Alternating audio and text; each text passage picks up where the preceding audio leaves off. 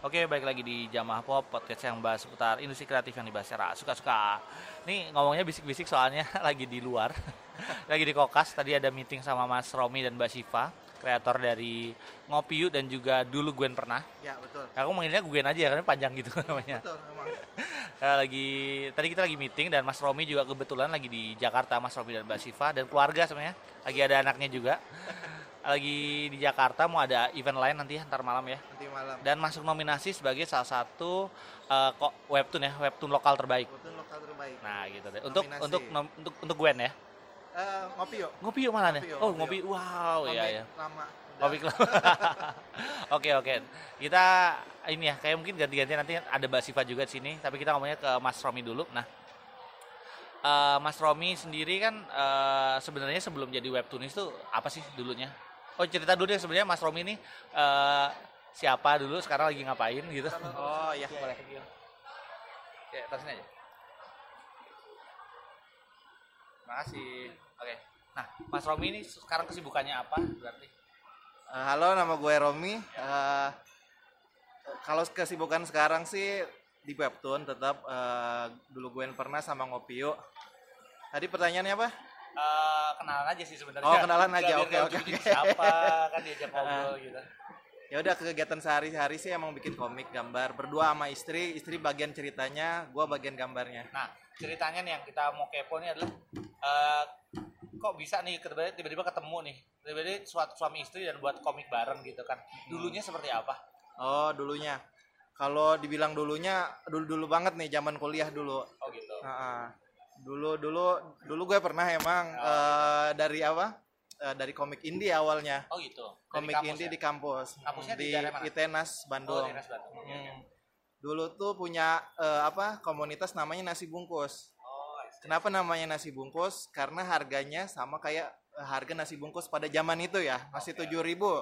7.000 ya. Ada ada kenapa nasi bungkus juga? Karena ada ada nasi, ada ada ada lauk kan nasi bungkus kan isinya lauk, ada sayurannya, ada sambelnya. Ya itu kompilasi kita bikin kompilasi harga komik dengan harga nasi bungkus sama. Oke, oke. Itu India. Itu indie awalnya. Dari indie itu tertariklah salah satu penerbit di Bandung. eh mau mau eh, di- Nerbitin. diterbitin lah si komik nasi bungkus itu. Siapa tuh Mizan atau apa? Mizan. Mizan. Nah, Oke. Mizan. Tadinya Mizan mau nerbitin nggak jadi. Oh, Malah eh, malah sayanya yang ditarik ya udah per orang jadi ada dua orang di nasi bungkus itu yang emang lanjut jadi komikus. Itu Bisa maksudnya udah full time. Apa sih full time di Mizan? Dibilang masih freelance, freelance. juga. Oh, oke. Mm-mm. Itu Oh, masih ini kuliah freelance. atau Udah lulus. Udah Udah, lulus, lulus. Kalau komunitasnya dari kuliah. Oh. Eh, udah lulus, ya udah kerja di situ ke komik anak-anak yang tadinya suka superhero. Dulu kan suka superhero kan. Bikin komik superhero aja pas zaman-zaman di komunitas itu. Balik ke Mizan disuruh bikin komik anak-anak yang cewek-cewekan. Hmm, oke. Eh, judulnya Princess Academy. Ah itu harga diri komikus superhero-nya udah dibuang dulu deh. Kita kita bikin komik dulu aja deh. Nah itu. Ketemulah dengan eh, ketemu dari Siva sih sama istri sih pas gua udah kuliah. Nah, cuman pas udah nikah itu kepikiran daripada penulisnya orang lain mending istri sendiri. Duitnya balik lagi ke kantong rumah tangga gitu kan. Itu yang sama, judul yang sama. Iya, Princess Academy itu Oke. yang bikin Siva juga ceritanya. Oke, oke. ada Princess Academy ada ada satu lagi tentang hantu-hantu lah dia Hmm. kayak gitu Nah, kan, komik anak pokoknya itu dunia-dunia anak lah kita iya. Dan kemudian berlanjut sampai sekarang bikin webtoon Betul, barengnya juga. iya. Nah, oke. Kan yang pertamanya adalah ngopi yuk kan. Nah, Iya, ini betul. kenapa ngopi yuk gitu? kenapa ngopi yuk karena dulu di challenge Ide. itu Ah. nyoba lima kali judul yang laku cuma ngopi yuk yang diterima Oh, gitu. jadi Oh, Itu yang official waktu ini ya, eh, yang Indonesia banget ya? Atau yang sebelum Eh, itu? itu sebelum itu ada lagi ada lagi banyak Ber- Berarti startnya dari challenge gitu. Challenge Dari yang challenge. lomba ya, bukan yang Challenge lomba challenge sehari-hari itu ya. Bang? sama sehari-hari Oh, ikutan juga ya? Ha-ha. Oh, Oke, oke. sampai lima judul kita bikin lima judul webtoon ya Iya ya. yang berhasil ngopi yuk Hmm. kenapa ngopi yuk ya karena kita tinggal di Pontianak Oh gitu.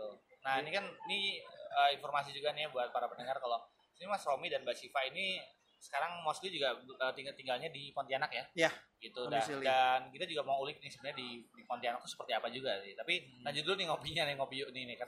Nah apa yang berbeda dengan eh, ngopi di Jakarta dengan ngopi yuk yang memang base-nya adalah Pontianak gitu. Oh, ngopi di Jakarta tuh kan eh, biasanya nongkrongnya tuh di coffee shop ya. Ah, Hmm, kalau di pakai sana- sekarang ya kan. Ah, ya kayak kita sekarang nih. kalau di sana nggak laku. Nggak laku, Di sana ya? nggak laku. Di sana lakunya itu warung kopi. Warung Tapi nggak warung kopi yang pinggiran jalan gitu. Oh, yang apa? Yang ada, ada tempat- tenda, ada ada, kursi dikit bukan. Di sana lebih kopi tarik gitu. Oke, kopi oke. saring disebutnya di sana. Nah, Kopi itu paling aku banget. Kopi kopi saring itu memang asli Pontianak atau lebih ke Melayu ya atau gimana? Eh, apa Melayu Melayu ya? sama Chinese Nah, kayaknya. ini yang sebenarnya orang-orang Pontianaknya Mbak Siva ya. Ya, iya, iya, orang Mbak Pontianak Siva. Mbak Siva sebenarnya. Oh, Saya numpang hidup aja. Oke oke. Nah itu sebenarnya memang si Ngopiu ini memang ngambil inspirasinya dari eh, warung-warung kopi di Pontianak, Pontianak, itu sendiri. betul. Ya? Oke oke. Nah kalau dari karakternya sendiri atau ceritanya sendiri, eh, Mas Romi itu gimana? Riset atau emang emang punya gitu warungnya sendiri?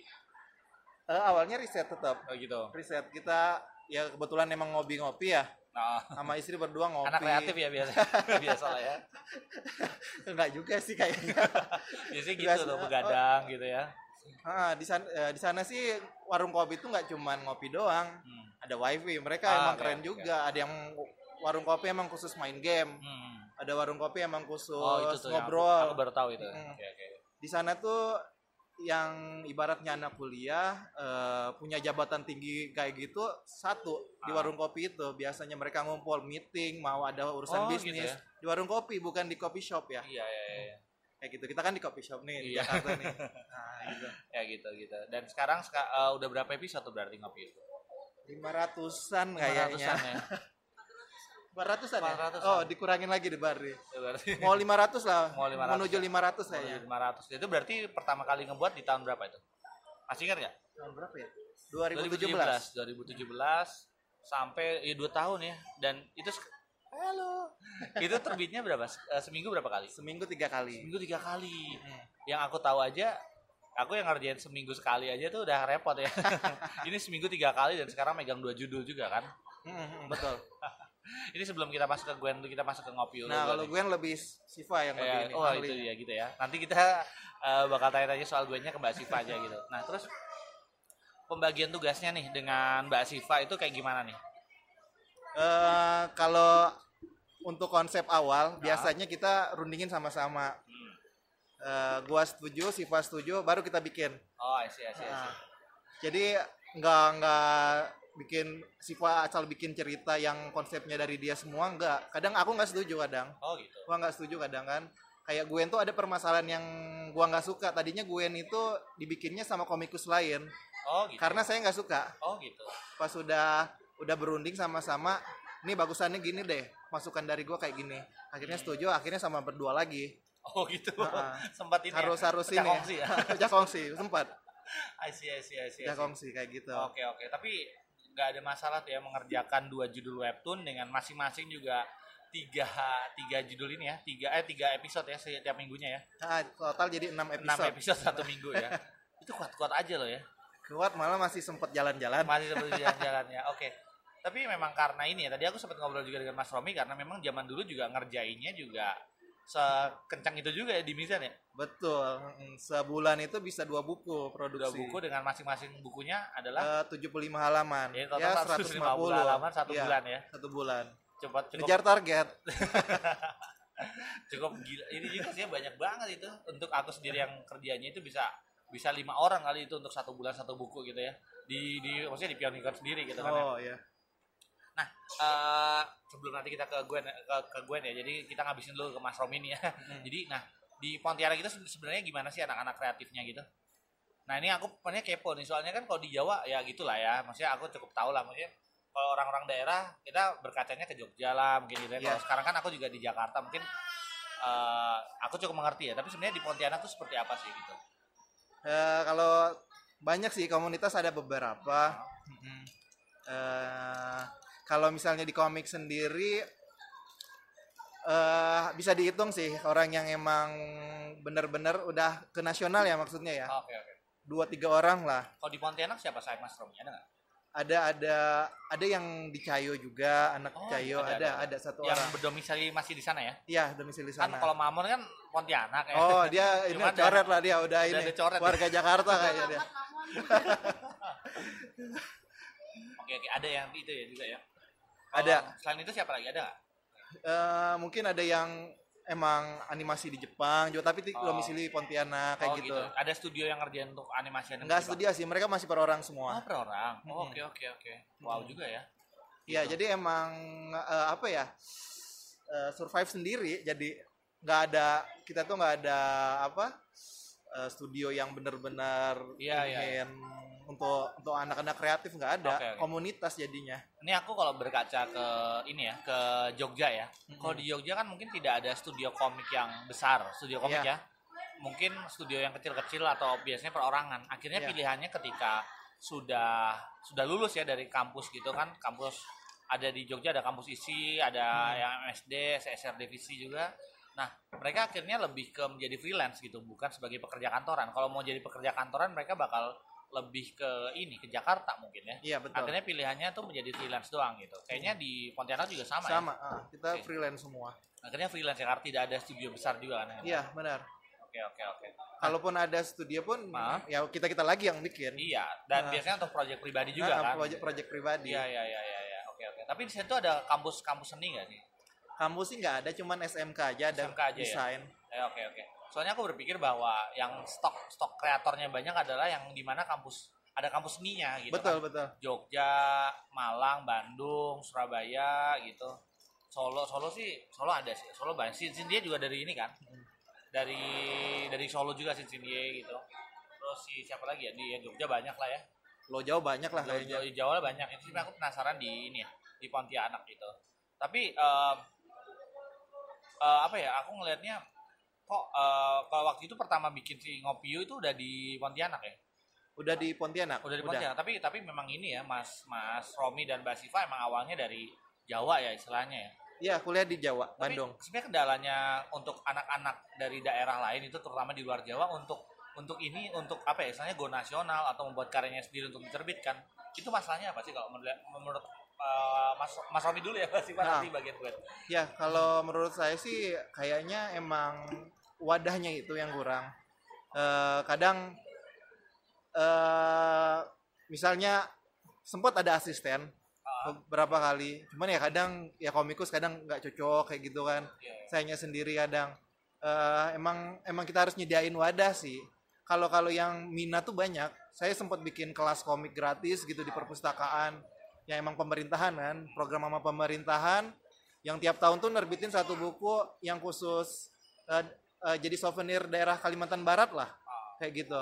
Banyak rame, rame. Cuman ya ujung-ujungnya selesai eh, selesai kursus itu udah Udah kepotong itu ya. udah nggak nggak nggak nggak lanjut lagi paling jadi komunitas aja yang nggak tahan lama lah happy happy juga ya. Iya, jadinya. yang lebih ke nyari kerja gitu ya. betul dan memang ini juga sih maksudnya setelah ya mereka selesai lagi kurang workshop gitu mereka juga tidak ada lapangan pekerjaan yang untuk menampung itu kan? Maksudnya Iya harus ujung-ujungnya harus ke Jakarta dulu ke Bandung dulu. dan mereka kadang jadi no clue juga untuk memulai apa namanya eh, mau ke mana juga masih agak no clue juga ya. Iya betul. Oke oke. Ya itu sih kendalanya juga sih itu apalagi di sana tidak ada kampus seni ya. Nggak ada nggak ada. Biasanya kalau ada kampus seni informasinya juga dari sana biasanya Hmm. gitu. Tapi workshop workshop sih ha. eh ada ya? oh iya oh ada ini sih itu sih Tawaran. masih ini tawaran oh gitu diajak apa ngebangun eh, kampus seni lah Ah, iya, iya. Sama teman-teman di sana Iya, iya. Oke oke oke. Tapi di sana untuk eh, kreatifnya itu kebanyakan apa ilustrasi, ilustrasi, ilustrasi anak, komik, animasi atau apa? Kebanyakan Eh, kebanyakan ilustrasi ilustrasi ya. Hmm. Nah mereka biasanya Ilustrasi. kalau kumpulnya di mana sih di mana gitu atau ada acara apa gitu yang kalau biasanya kreatif? tetap warung kopi baru kopi ya? Iya betul, ha. pameran segala macam mereka di warung Oh, kopi. gitu.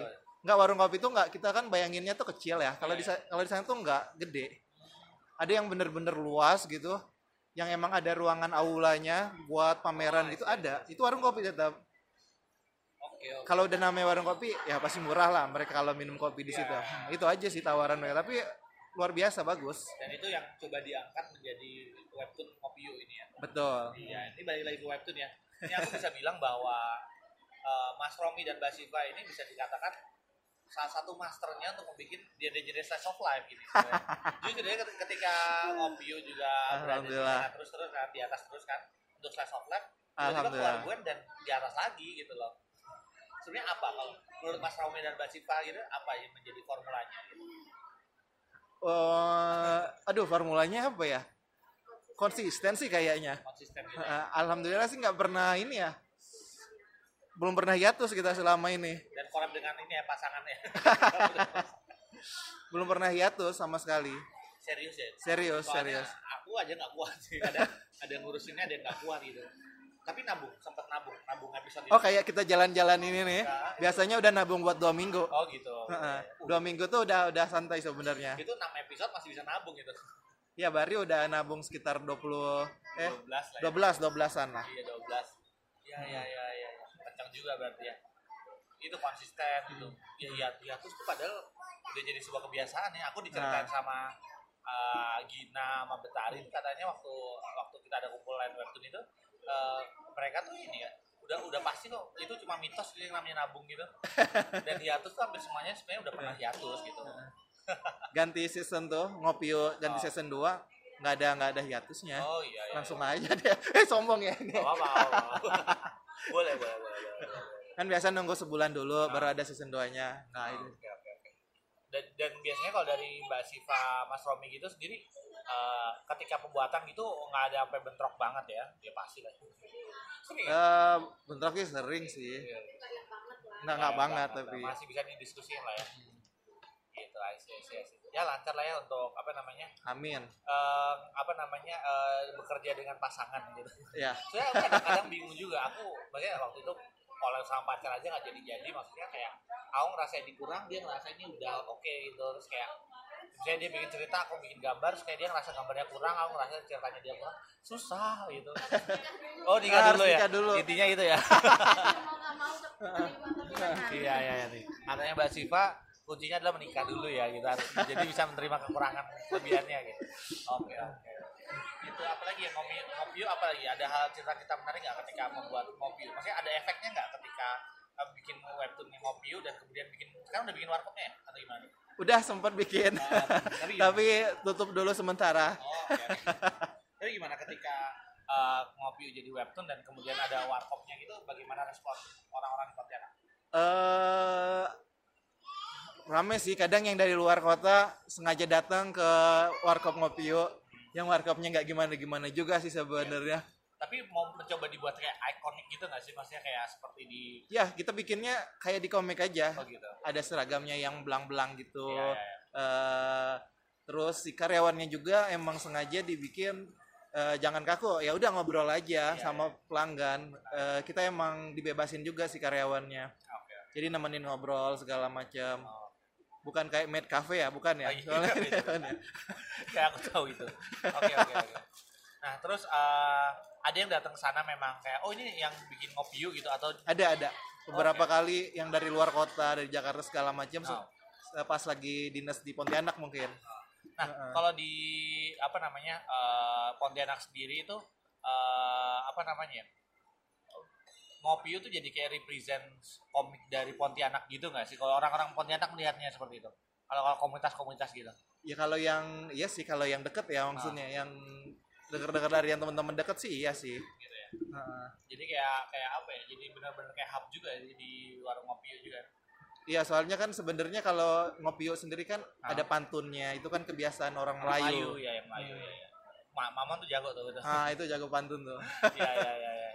Oke oke. Yaudah itu itu sih palingnya untuk ngopi dan Hmm. soal uh, komunitas di Oke di apa namanya di Pontianak, Pontianak, ini itu mm-mm. mau ngobrol-ngobrol sama Siva gantian boleh boleh untuk buennya kita gitu. pindah bang. gantian untuk menjaga anak silakan silakan halo halo Mbak Siva halo halo halo Tadi kita udah ngobrol-ngobrol juga sama Mas Romi kan ngomongin soal ngopi nih kebanyakan dan ya eh, apa namanya eh, komunitas-komunitas di Pontianak nih ya. Hmm. Nah, kalau Mbak Siva kan Pontianak sendiri nih. Eh sebenarnya kalau ngelihat potensi anak-anak di sana tuh kayak gimana sih? Kalau potensi sih pastinya ada ya Ada ya. potensi ada cuman kadang-kadang itu mungkin eh, yang kurang itu kepercayaan diri Hmm. sama wadah sih sebenarnya balik lagi kayak yang tadi Mas Romi bilang sih mereka kurang wadah dan kadang-kadang kalaupun ada wadah nih kadang kita udah ayo nanti kita bantu gini gini gini mereka kurang pede Oh, itu iya, aja iya. sih susahnya Apa namanya? eh si apa kopi kan sempat waktu itu kan bikin banyak workshop gitu kan. Uh, kemudian uh, sering jadi hub juga kan ngumpulin komunitas-komunitas gitu. Nah, uh, sempat kayak ada pemerintah gitu nggak yang misalnya mencoba untuk apa ya ngajak kerjasama nih untuk uh, mengembangkan industri kreatifnya di sana gitu? Oh ya uh, kebetulan waktu itu kita juga didukung. Uh, waktu itu kita didukung beberapa bukan beberapa sih ada salah satu instansi perpustakaan daerah.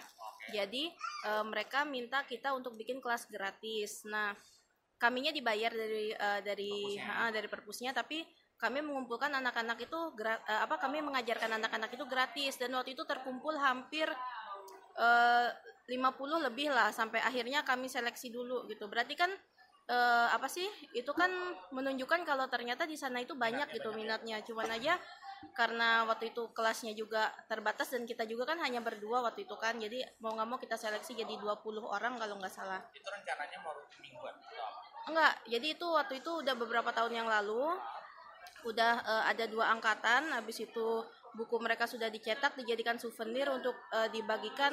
Setiap kali ada tamu tamu perpus yang datang baik itu dari luar daerah bahkan luar negeri juga.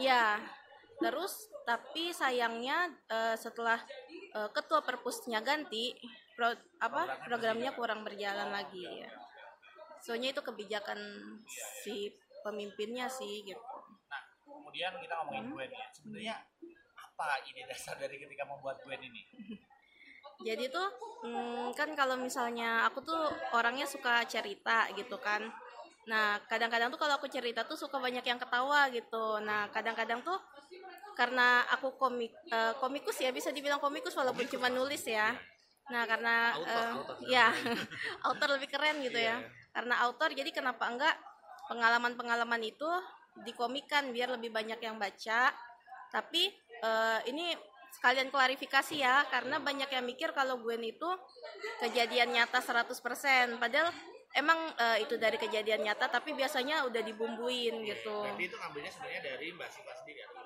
Ya, kadang dari uh, aku sendiri, kadang dari uh, apa teman-teman terdekat atau uh, yang aku lihat lah gitu. Pengalaman-pengalaman bukan cuma dari aku sih, dari siapa aja bisa gitu, tapi dikemas dalam bentuk komik gitu dan dibumbui. Nah, ini mungkin ada yang belum pernah baca dulu Gwen pernah ya. Mm -hmm. Sebenarnya premisnya seperti apa sih untuk uh, si Gwen ini? Premisnya itu Gwen itu mm, seorang uh, wanita muda, cewek gitu kan. Uh, dia punya banyak kelebihan, tapi kelebihan yang paling menonjolnya itu kelebihan berat badan. Tapi dengan kelebihan berat badan itu dia nggak nggak apa ya, nggak minder dan justru itu uh, bikin orang-orang di sekitarnya itu jadi cerita menarik buat buat dia sendiri dan bagi orang-orang di sekitarnya. Kalau Mbak Siva sendiri ketika bikin ini memang mencoba melihat isu soal body shaming gitu atau ya udah bikin aja gitu atau gimana? Jadi dulu Gwen pernah ini si Gwen ini sebetulnya udah uh, lama banget itu. Dari sebelum body shaming apa sih isu-isu body shaming itu naik. Sama kayak ngopi yuk sebelum banyak anak-anak kopi gitu. Anak-anak kopi pencinta senja tuh ngopi yuk udah udah ada idenya dulu. Cuman untungnya waktu itu mm, naiknya juga gara-gara itu kan ada tren kopi itu. Nah Gwen ini juga naiknya mungkin gara-gara pas kebetulan pas diluncurkan emang lagi booming isu body shaming segala macam gitu. Tapi sih hmm, kalau misalnya menurut menurut aku sebagai author itu sih hanya just for fun aja sih nggak yang uh, oke okay, kita menyisipkan apa menyisipkan pesan kalau uh, mau kayak gimana pun kondisi fisik kamu uh, apa sih kamu bisa tetap ceria bisa tetap happy gitu. Tapi uh, selebihnya sih just for fun aja sih. Tapi kalau dari misalnya ada orang-orang itu apakah ada yang sempat memberi uh, komentar negatif bahwa ah ini mah berarti kayak uh, objektifikasi untuk wanita ya wanita yang berbadan yang lebih gitu atau pasti gitu? ada lah ada pasti ya? ada pro kontra kan pasti ada cuman tinggal kitanya aja mau dibaperin apa enggak gitu. Oh, gitu. tapi selama ini menanggapi komentar-komentar negatif gimana Mas Romi dan Mbak Siva sendiri uh, nggak nggak pernah gimana gitu sih. Paling kalau sebel banget di dislike aja kan oh, gitu ya. Nyatanya ke dislike selama ini ada ada dari salah satunya mungkin dari iya. Mas Romi atau Mbak Ziva ya. Iya kalau ya. ada dislike tuh bisa aja dari kami. Tapi kalau dari sosmed sendiri ada yang komentar-komentar gitu? Ada ada. Pernah ada yang DM nah. eh, bilang body shaming bla bla bla. Tapi waktu itu bukan Gwen sih. Kalau Gwen kayaknya aman ya. Yang body shaming waktu itu tuh eh, ini ngopi yuk ada eh, apa ada tokoh si Ayunya itu. Nah si Ayu yang banyak disorot gitu. Kayak gitu sih. Tapi kita nggak tahu eh, kalau mau balas-balas kalau nggak nggak. Gitu ya. Tapi Iya. terlalu diambil pusing ya? Eh, kadang-kadang ada sih pernah sakit hati ya, juga. ya. Mm-mm, cuman kerjaan kita banyak ya gitu udah nggak usah nggak usah ngurusin orang lah kerjaan kita masih banyak gitu banyak banget sih tapi untuk mbak mbak ini ya mbak Siva sendiri Mm-mm. ada ini ya ada ada cara-cara nggak sih untuk bisa terus produce cerita-cerita soalnya cukup kering juga sih kalau Iya. menciptakan cerita baru terus menerus gitu.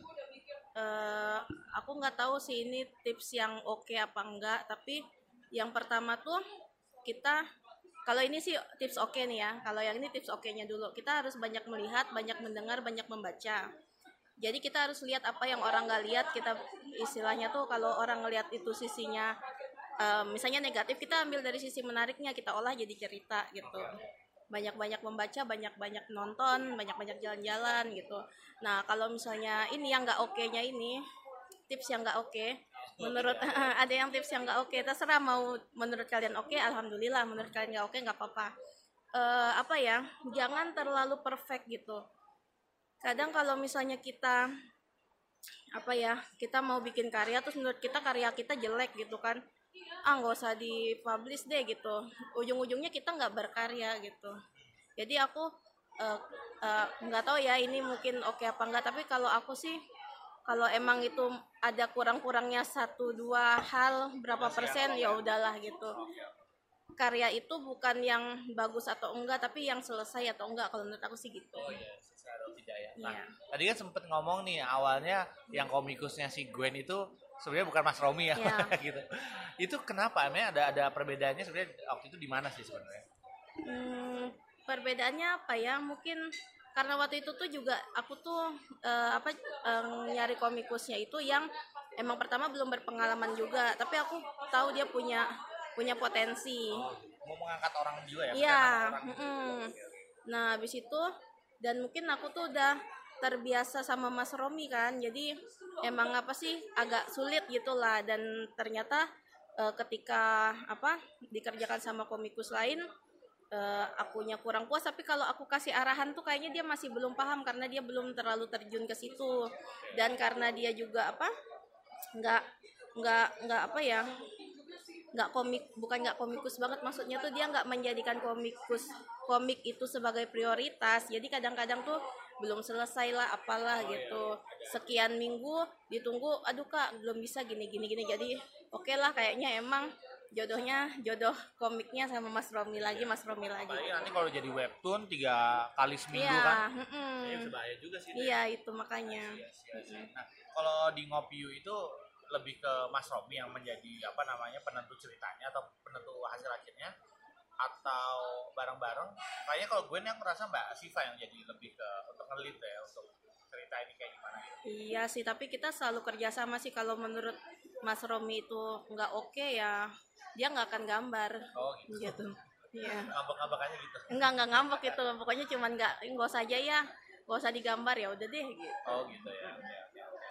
Nah, Oke, tapi kalau Mbak Siva sendiri ada kebiasaan menulis cerita gitu nggak harian gitu?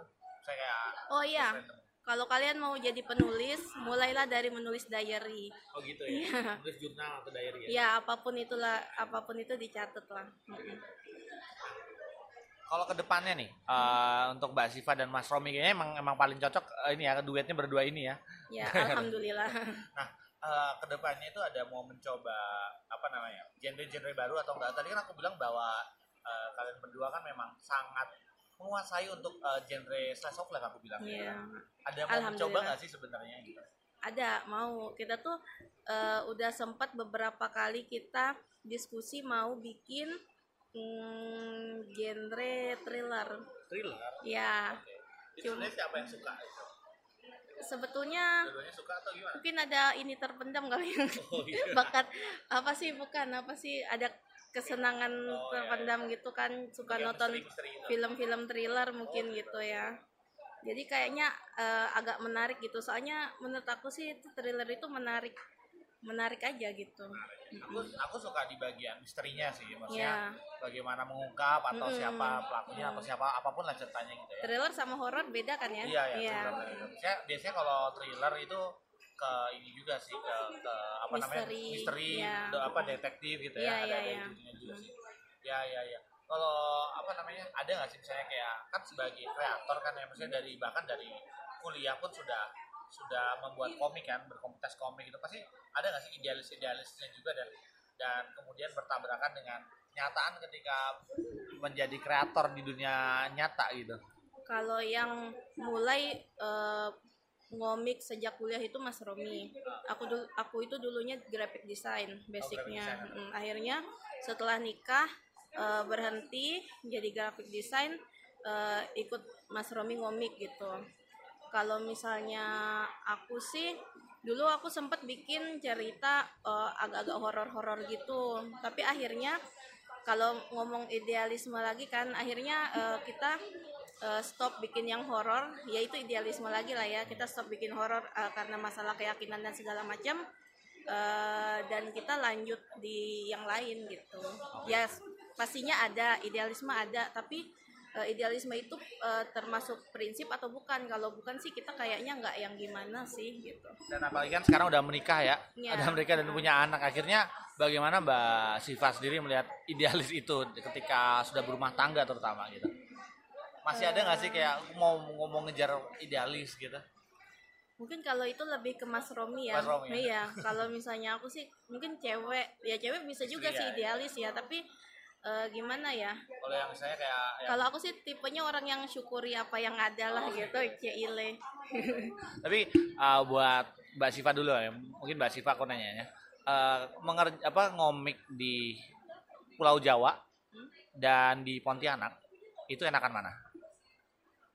Enak di Jawa lah, gajinya ya? gede. Oh gitu ya. Iya. Loh, tapi kan freelance kan nggak ada nggak ada Oh batasan iya, ya. kalau misalnya di Pontianak itu kita jadi ikan besar di kolam yang kecil, jadi kita gampang terkenalnya di sana. Kalau mau cari popularitas mungkin enak, Gitu ya. tapi kalau mau kita mau tumbuh, mau berkembang, mau eh, itu apa sih mau ya intinya ada enak nggak enaknya lah Iya, masing-masing. Soalnya kan kalau di saya kita bilang di Jakarta terutama ya. Jadi kayak event banyak, Iya. event. Jadi kayak kalau mau mau ikutan event juga bisa.